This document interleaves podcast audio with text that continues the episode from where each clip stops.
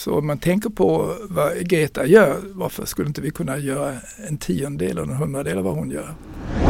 Du lyssnar på Samhällsvetarpodden med mig Ursula Berge. Och mig Simon Winge. Idag ska vi diskutera hoten mot vår existens.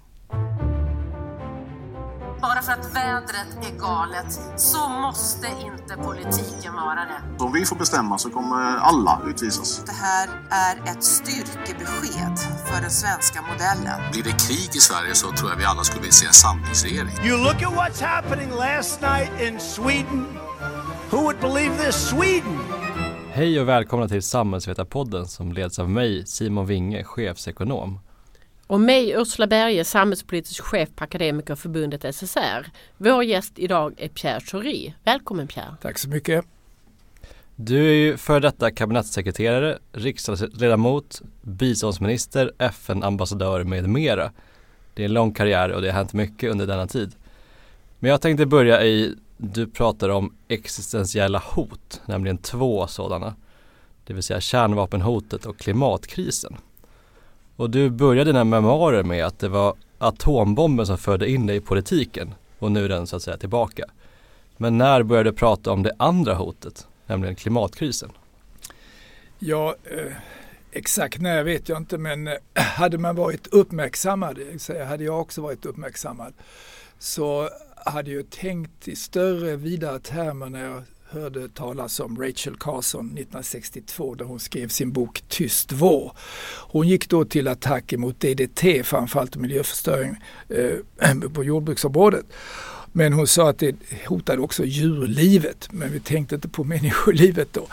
Men sen så kom ju på 60-talet, senare på 60-talet tydligare och eh, Jonathan Shell som är en amerikansk eh, författare han eh, tog ju upp miljökonsekvenserna av Vietnamkriget bland annat. Men också senare på, på 70-talet så skrev han om den nukleära vintern som var då de vetenskapliga rönen som sa det att om ett kärnvapenkrig bryter ut så kommer det bli så mörkt och all, av all eh, smuts och aska och så som uppstår och kyla och kallt att det enda som kommer att vara kvar på jorden blir några gräsarter och kackerlackor. Så att där fanns ju en koppling redan från den tiden och sedan så kommer jag då ihåg mycket tydligt 1972 var världens första miljökonferens i Stockholm. Ingemund Bengtsson hette han som var generalsekreterare. Alla delegater fick cykla. Och då var också Nixons gäng där amerikanerna representerade av Nixons mest förtrogna.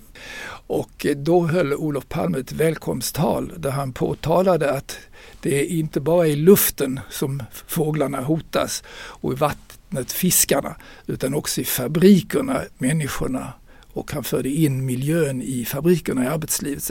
Men sa han, det pågår också ett miljömord i Vietnam, ekocid, genom napalmbombningarna och Agent Orange. Och det var ju liksom ett genombrott där man kopplade ihop ska vi säga, vap vapnen, militariseringen och, och eh, klimathotet på det sättet. Så det var på den vägen det var.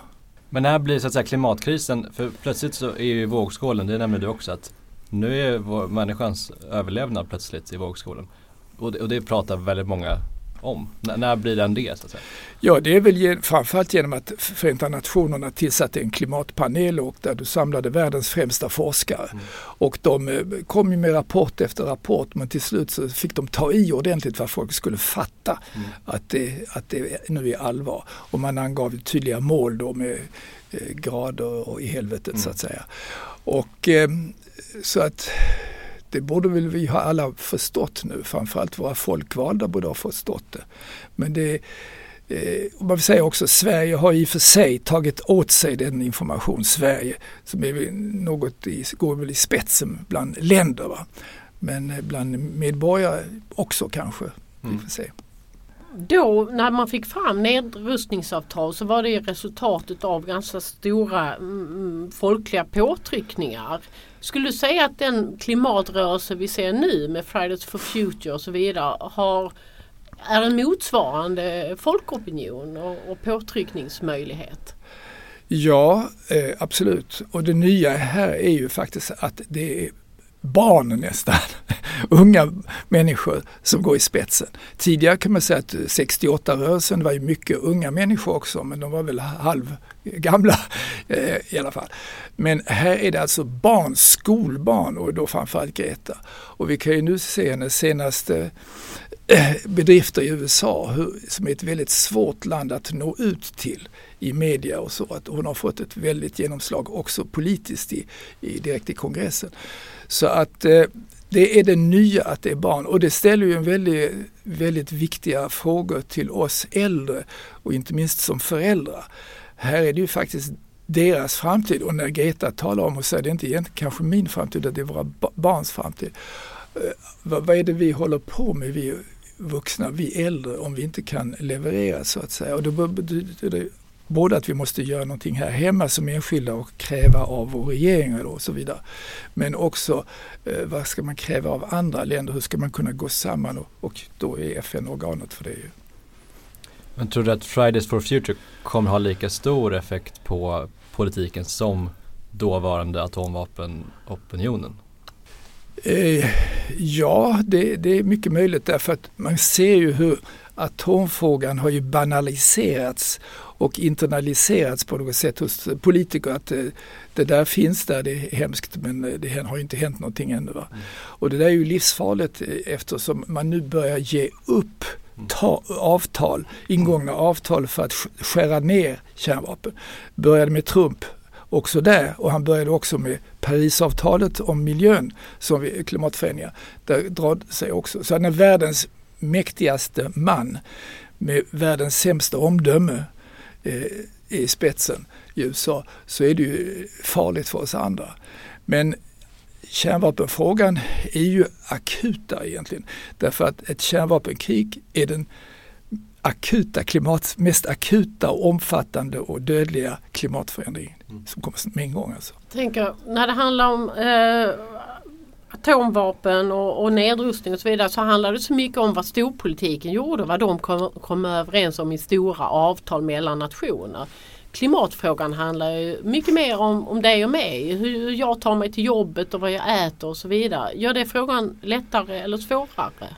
Det borde göra det lättare naturligtvis. Eh, och samtidigt är det svårare om man skuldbelägger människor och säger att nu har du världens öde på dina axlar. Och därför är det vilket jag inte har tänkt på tidigare men jag läste om det nyss. Det är liksom en talgdank som gick upp. Det finns en, en klar koppling mellan social rättvisa och miljökamp.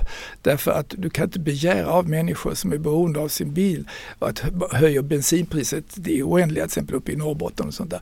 Utan du måste ha någonting som visar att du kompenserar folk som har det svårt redan nu va? för de nödvändiga förändringar vi måste göra för miljön. Så att du, det, det, är både klimatförändringen och det är kärnvapen som är de två existentiella hoten. Men om ska man göra någonting också med de enskilda medborgarna i länderna så måste man upp, de uppleva, måste vi uppleva att man gör, man, man gör någonting som har betydelse och som inte då motverkas av att några andra som har makt och pengar inte gör någonting. Eller jag har för en sån politik att man känner sig alldeles inträngd i ett hörn och ska, hur ska jag klara mig med tagelskjortan på här. Va? Hur, tro, hur stor tror du att den individuella uppoffringen är om vi ska vända det här? Ja, jag tror inte man ska begära för, för mycket. Va? Jag kommer ihåg också när miljörörelsen började på allvar så, så var det ju många som klädde sig i säck och aska och man fick inte ha på sig typ av kläder. Man skulle vara enkelklädd, man skulle leva enkelt, man skulle helst sova i tält. Alltså man fick hårdra. Det fanns ju en sån liten kärna i alla fall. Och detta. Utan det här måste bli en bred folklig rörelse där, där man känner att det här är viktigt för oss alla och, och då måste man göra, göra det eh, tillsammans och det är klart då spelar de individuella eh, initiativtagarna och kämparna en roll. Och nu är det våra barn som kräver detta av oss. Jag skulle vilja gå in lite på vad vi som fackförening kan göra. För att idag, fredag när det här sänds då, så är det, pågår en strejk för klimatet. Vi står bakom den som förbund men våra medlemmar kommer, in, medlemmar kommer inte kallas ut i strejk. Jag skulle säga att det är lite för att vi som rörelse är ovana att hantera den här typen av frågor. Men vad kan ett fackförbund göra i den här frågan? Ja, eh, nu talar vi, jag menar, fackförbund och även vi i vårt dagliga liv som medborgare vi har ju den verklighet vi har att leva med och, och försöka påverka. Men klimatfrågan och då kärnvapenhotet, det är de, de dödliga tvillingarna, de existentiella hoten. De är så pass stora så att eh, eh man eh, känner att det är svårt vad man kan göra någonting. Men vi vet ju samtidigt att i vår vardag så kan vi göra någonting. Och när det kommer då till fackliga organisationer så, så vet jag till exempel brittiska TUC, de har gått ut och stöder klimat, eh, den här strejken. Och jag vet också i Österrike och, och delar i Tyskland och sådär. Men det måste vara upp till varje förbund. Men man kan ju också lyfta blicken då till de existentiella frågorna från de fackliga frågorna. För det ingår ju liksom ett ändå övergripande sammanhang vi lever i. Så att det är ju inte fel om någon fackförening beslutar sig att gå med tycker jag. Och eh, om man kan ha, man kan ju utlysa då också nationellt varför inte Hiroshima-dagen för att påminna om en sak? Eller då en klimatdag. Vi har ju kanelbullens dag och vi har kronprinsessans dag eller vad det heter. I den strejkrätt, vi har ganska ny strejkrättslag, så, så finns det eh, formuleringar rörande möjligheterna till politiska strejker. De använder vi ju sällan eller aldrig i det här landet utan vi strejkar på grund av att få fram kollektivavtal kopplat till, till, till löner och villkor i dem. Eh, men skulle klimatfrågan kunna vara en sån fråga som vi verkligen använder det politiska strejkvapnet till? Eller är det andra saker vi ska använda politiska strejkrätten till? Ja, det är det ju ytterst. Då, är det väl det. Men, eh, och man kan ju däremot som förbund ställa krav på regeringen om man tycker att eh, och de folkvalda att de inte gör sitt jobb så att säga och ansluta sig och eh, ja, gör, ta, anta uttalanden på sin kongress och sådär. Och visa att för våra, medborg, med, för våra medlemmars skull så kämpar vi för dessa saker. Men det finns också en annan verklighet som nu världen måste ta sig an och vi uppmanar da, da, da, våra medlemmar och regeringen. Och så. Absolut, det, kan, det ska ju inte vara så att man blir bara instängd i sin fackliga box så att säga. Nu spelar vi in det här före den 27 men det, det sänds den 27. Vad, vad vill du se att vi i vuxenvärlden gör den 27 när Fridays for Future har uppmanat oss att agera? Ja, äh, jag vill ju se flera föräldrar komma med sina barn.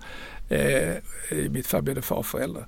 Men eh, eh ja, det, nu, är, nu, nu, finns det där. Det affischeras över hela stan här i Stockholm till exempel och på andra ställen också naturligtvis. Och det, det, det är ett, ett tillfälle att visa att man, man ställer upp också med sin fysiska närvaro med. Så om man tänker på vad Greta gör, varför skulle inte vi kunna göra en tiondel eller en hundradel av vad hon gör på dag, den här dagen? Ja, för jag skulle vilja fråga, vi har ju rösträtten men vi har ju också de här andra verktygen, manifestationer, demonstrationer och strejker för att uttrycka vår demokratiska rätt. Hur viktiga är de andra verktygen skulle du säga för att skapa förändring? Eh, förlåt, vilka andra? Ja, men hur viktiga är de här liksom, icke-parlamentariska verktygen, man ska kalla dem, manifestationer och så? Hur, hur mycket påverkar de? Är ja, de, de är otroligt ja. viktiga därför att eh, politiker och folkvalda och riksdagsledamöter de fastnar oftast i vissa positioner som har att göra med motparter och förhandlingssituationer och så. Och de kommer sällan ut, eller också delegerar man till, till partiledning eller gruppledningen i riksdagen och sedan så eh, eller sitter man till exempel i jordbruksutskottet så tal, yttrar man sig inte om vad som händer i utrikesutskottet och sånt där. Så att eh, det, det, här, det här är ju viktigt att man, man, man, man, eh, man bryter upp och tar också, känner ett eget ansvar och, och, och, och förenar sig med likasinnade för att få förändring. Utöver de möjligheter man har genom sin fackförbund. Mm. Och eh, Klimatkrisen eh, kommer ju kanske sätta vår överlevnad på spel men även om den inte gör det så kommer ju förmodligen stora områden göras obeboeliga och det kommer skapa ganska stora eh, människoflöden och förflyttningar över jorden. Hur kommer vi klara det? Är vi rustade för att klara en, en större migrationsvågor över jorden? Nej, det, det, det, är vi inte. Alltså det som pågår nu det, det, finns dels krigs, rena krigsflyktingar, de som kommer från, då från Syd Mellanöstern i framför och en del länder i Afrika. Men eh, många, många är miljöflyktingar. från Afrika, från utbrända områden och öknar och sånt där och torka. Så att eh, om inte det förändras situationen så, så kommer det här fortsätta och det kommer inte vi klara. Det har ju visat sig här i Sverige. Vi har ju fått ge upp eh, tillfälligtvis i alla fall, hoppas jag, vissa principer som var heliga för oss, som asylrätten och allt så. Så att eh, det skulle bli, det skulle bli etter värre, etter värre eh, eh, om eh, vi inte gör någonting åt själva grundorsaken. Till Upplever du att det finns en medvetenhet i den rika delen av världen att eh, alltså, vi förbrukar ju mer av jordens resurser än vad den fattiga delen av världen gör. Men att det finns en medvetenhet och kunskap om att det är eh, att det, eh, alltså hela den globala balansen hotas av detta med migration och så vidare på väldigt många olika sätt. Finns det en medvetenhet om detta? Ja, det finns det ju. Inte minst genom FNs klimatpanel och eh, regeringar tar ju upp det här. Alla regeringar och eh, organisationer också, EU måste ju ta ställning till detta. Om de sen gör tillräckligt eller inte, det är en annan sak. Men medvetenheten och kunskapen finns där. Sen är det frågan om vad man kan få, vilken gnista man ska tända för att få aktion, tillräcklig handling. Jag menar den här miljöfrågan var ju uppe redan, kommer jag ihåg, Lars Ingelstam skrev en rapport en gång eh, på 60-talet tror jag, eller kanske 70-talets början, där han sa att vi måste äta mindre kött och vi måste ge upp det här med bilen. Alla ska ha en bil på grund av miljön redan då. Och då blev det de blev otroligt förtalade eller, eller angripna och sen försvann det där. Men det är samma, det är samma fråga upp igen. Va? Mm. Och då finns det en helt annan medvetenhet. Köttkonsumtionen sjunker. Det är inte bara jag och min hustru som har, vi har sålt vår bil för länge sedan och sånt där. Det, och vi börjar åka tåg med. Så att det där kommer ju mm. och det kommer på bred front. Sen är det upp till naturligtvis, individen kan inte göra någonting det där är så stort va, som, som regeringar och eh, eh konferenser kan göra, typ FN-konferenser och miljökonferenser. Man känner sådär lite spontant att det hade varit lite bättre för klimatfrågan om det var Manhattan som skulle sjunka istället för Maldiverna. Alltså det känns som... Ja naturligtvis men de, de har ju nu, alltså det är ju, det är ju tromber och det är orkaner och så hela tiden. Också även i USA och extrem kyla och allt sånt där. Så att eh, de är nog medvetna att det, att det händer eh, saker och ting. Och nu kan man ju, alla kan ju se att Amazonas brinner och Arktis eh, smälter. Va? Och då, det krävs ju då, då. Då ska man inte göra bara så som Trump. Han ser att oho, Arktis smälter, då kan man komma åt eh, uranet där på Grönland och göra det till en affärsidé. Det, det, vis, det är fel väg att gå. Ja, du är inne på kopplingen mellan social och klimathållbarhet och på det temat så skriver du din senaste bok om att skatte och kapitalflykt kostar utvecklingsländerna mer än världens samlade bistånd. Eh, kan du utveckla det här? Ja, alltså det, det är då Oxfam som har publicerat det här och det grundar sig på de journalister som jobbar med så kallade Panama-papperna mm. och Paradispapperna också kallade. Och det visar ju att när de undersökte detta så trodde de att det var en del av ett system att smita från skatt, eller av ekonomin, att man smiter från skatter och placerar pengar i, i sådana här öar. Men det visar sig att det är systemet menar de. Därför att av den globala tillväxten, ekonomiska tillväxten i rena tillväxttermer, ekonomiska, så är det över 80 procent som, som går till de här rikaste människorna varav många av dem smiter för skatt och därmed undandrar du ju resurser för att göra nödvändiga sociala insatser. Och eh, det där har ju också börjat avslöjas. Det är folk som jobbar med det inom systemet får nog och, och kommer ut. Det kommer mycket ut sådär visselblåsare.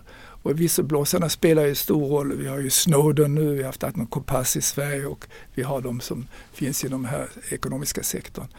Så att det, det, det, det är ett reellt problem som man måste ta itu med.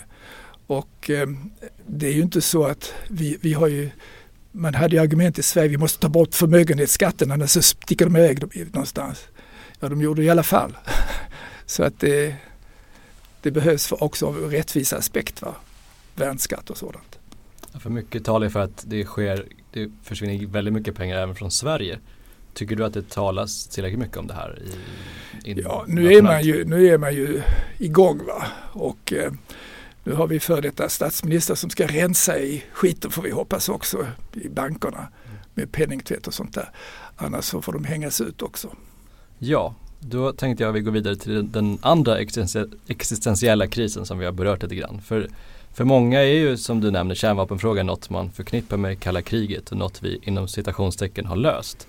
Men plötsligt har den seglat upp igen med vissa populistiska ledare. Det verkar vara ny kapprustning och brutna avtal. Vad, hur gick det här till? Ja, det gick till så att eh, eh de fem ursprungliga kärnvapenstaterna förband sig ju då under starkt folkligt tryck och inte minst också då eh, svensk, eh, svenska regeringen som började redan 1961 med Undéns, utrikesminister Undéns plan i FN kärnvapenklubben, mot kärnvapenklubben. Eh, och sen var det, blev det en kvinnorörelse, väldigt feministisk utrikespolitik som krävde inga kärnvapen här. Men, men eh, det, det, då var ju, växte det fram ett krav på de här fem att de måste underteckna ett avtal att de ska försöka dämpa motsättningar sig emellan och börja skära ner i arsenalerna på ett verifierbart sätt och jämbördigt sätt. Och de åtog sig detta genom icke-spridningsavtalet och då skulle andra länder inte i gengäld, som aspirerade på detta, inte skaffa sig. Men de gjorde inte det, utan de bara byggde upp mer och mer och då fick vi också, idag har vi nio kärnvapenstater och då bland annat Israel och Nordkorea och Pakistan och Indien som nu står igen och, eh, med vapnen dragna. Så att världen har blivit farligare genom att de ursprungliga kärnvapenstaterna har inte levt upp till sina löften. Och eh, det, är, det, det tror jag är det ursprungliga. Då. Andra har sagt varför kan inte vi eh, också skaffa oss? Och därför måste trycket öka på dem nu också. Och här, här har ju Sveriges riksdag pausat. Man har liksom stannat upp här den enorma kraft som Sverige utgjorde i positiv riktning för att bekämpa kärnvapen. Och eh, står där nu och på ett eller annat ben. Och jag tycker att eh, det är hög tid att vi nu som medborgare ställer de folkvalda till ansvar enskilt. De ska inte kunna säga vår grupp har inte bestämt sig, regeringen har inte bestämt sig. Eh, ja, det är upp till var och en nu att säga vad de står om detta existentiella hot. Det vill säga att Sverige bör underteckna den här FN-konventionen om ett förbud mot kärnvapen som bara förstärker det som har tidigare sagts. Jag tänkte om du tittar på en del av händelseförloppet den senaste tiden som den här attacken mot eh, oljeraffinaderiet i Saudiarabien, instabiliteten i relationerna mellan USA och Iran och så vidare. Hur skulle du ähm, sätta orosnivån i världen just nu och hur oroad är du för den här utvecklingen och det finns andra länder också? Det är mycket, mycket oroande och det är därför att vi har en, en president i världens största militärmakt som är helt oberäknelig och omdömeslös. Och eh, det här, den attacken som nu utlöstes mot saudiarabiska oljekällor, det är ju bara ett utflöde av en konflikt som har legat och pyrt där i nu 70 år. Dels Israel-Palestina men också att man har eh, skurkstater och diktaturer som man gör sina bästa vänner, typ Saudiarabien. Och eh, som har bombat sönder och samman i Jemen och eh, i det mest hänsynslösa krig som pågår, den största humanitära katastrofen. Det är ju det som är orsaken till det hela. Och eh, det är inte konstigt att man från den andra sidan, vem det nu är, reagerar på något sätt. Och det visar ju också att ingen supermakt kan gå säker. Vi har eh, 9-11 i USA och de här drönarna som kan flyga in. Och det här Saudiarabien var skyddat av de här amerikanska patriotmissilskydd eh, som skulle skjuta ner varenda. Sådana som precis vi är i färd med att köpa för miljarders miljarder. Värdelöst system verkar som. Det är bara en drönare som kommer in. Eh, så att eh, det, det rötterna till det hela ligger i de oavslutade konflikterna och motsättningarna och kampen om någon slags hegemoni.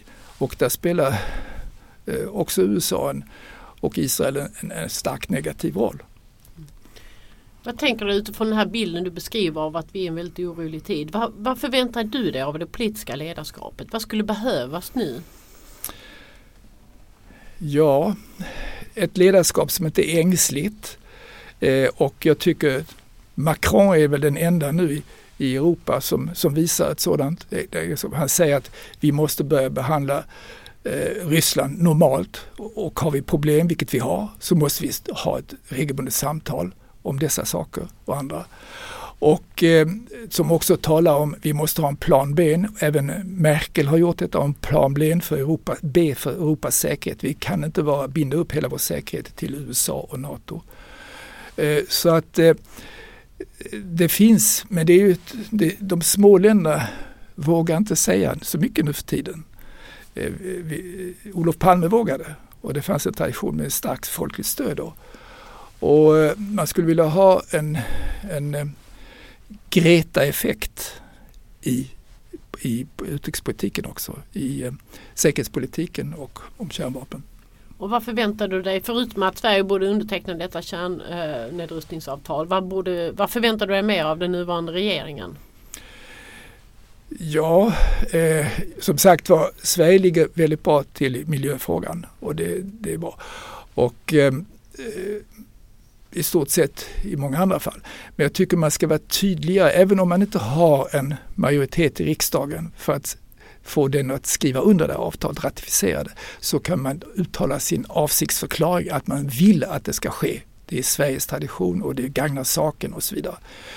Eh, och jag tycker att man ska tydligare markera i alla sammanhang, inte bara en gång, utan tjata in det om det behövs, att vi stödjer FN framför NATO.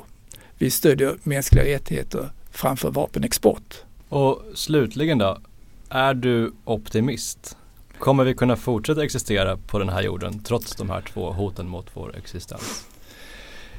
Ja, jag är väl eh, en pessimistisk optimist. Jag har alltid varit optimist. Jag är lite pessimistisk nu, men det behöver inte betyda att det är, går åt pipan. Eh, men ehm, jag, jag la märke till vad Margot Wallström sa nu när hon slutade, vad hon ska fortsätta med. Kvinnor, klimat och kärnvapen. Och det är båda gott. Hon kan spela en stor roll för att eh, väcka ytterligare opinion. Och jag tänker på Elin Wägner som redan på 30-talet skrev om miljöfrågan och fredsfrågan. Hon tog initiativet till internationella kvinnokonferenser och sånt där för fred. Hon sa att i, till slut så är det kvinnan och dagmasken som avgör det hela. Vilken vacker avslutning. Tusen tack Pierre. Tack så mycket. Det var allt från Samhällsvetarpodden den här veckan. Samhällsvetarpodden görs varannan vecka och fångar upp stora samhällspolitiska frågor, helst med en facklig twist. Samhällsvetarpodden görs av Akademikerförbundet SSR, Sveriges ledande samhällsvetarförbund.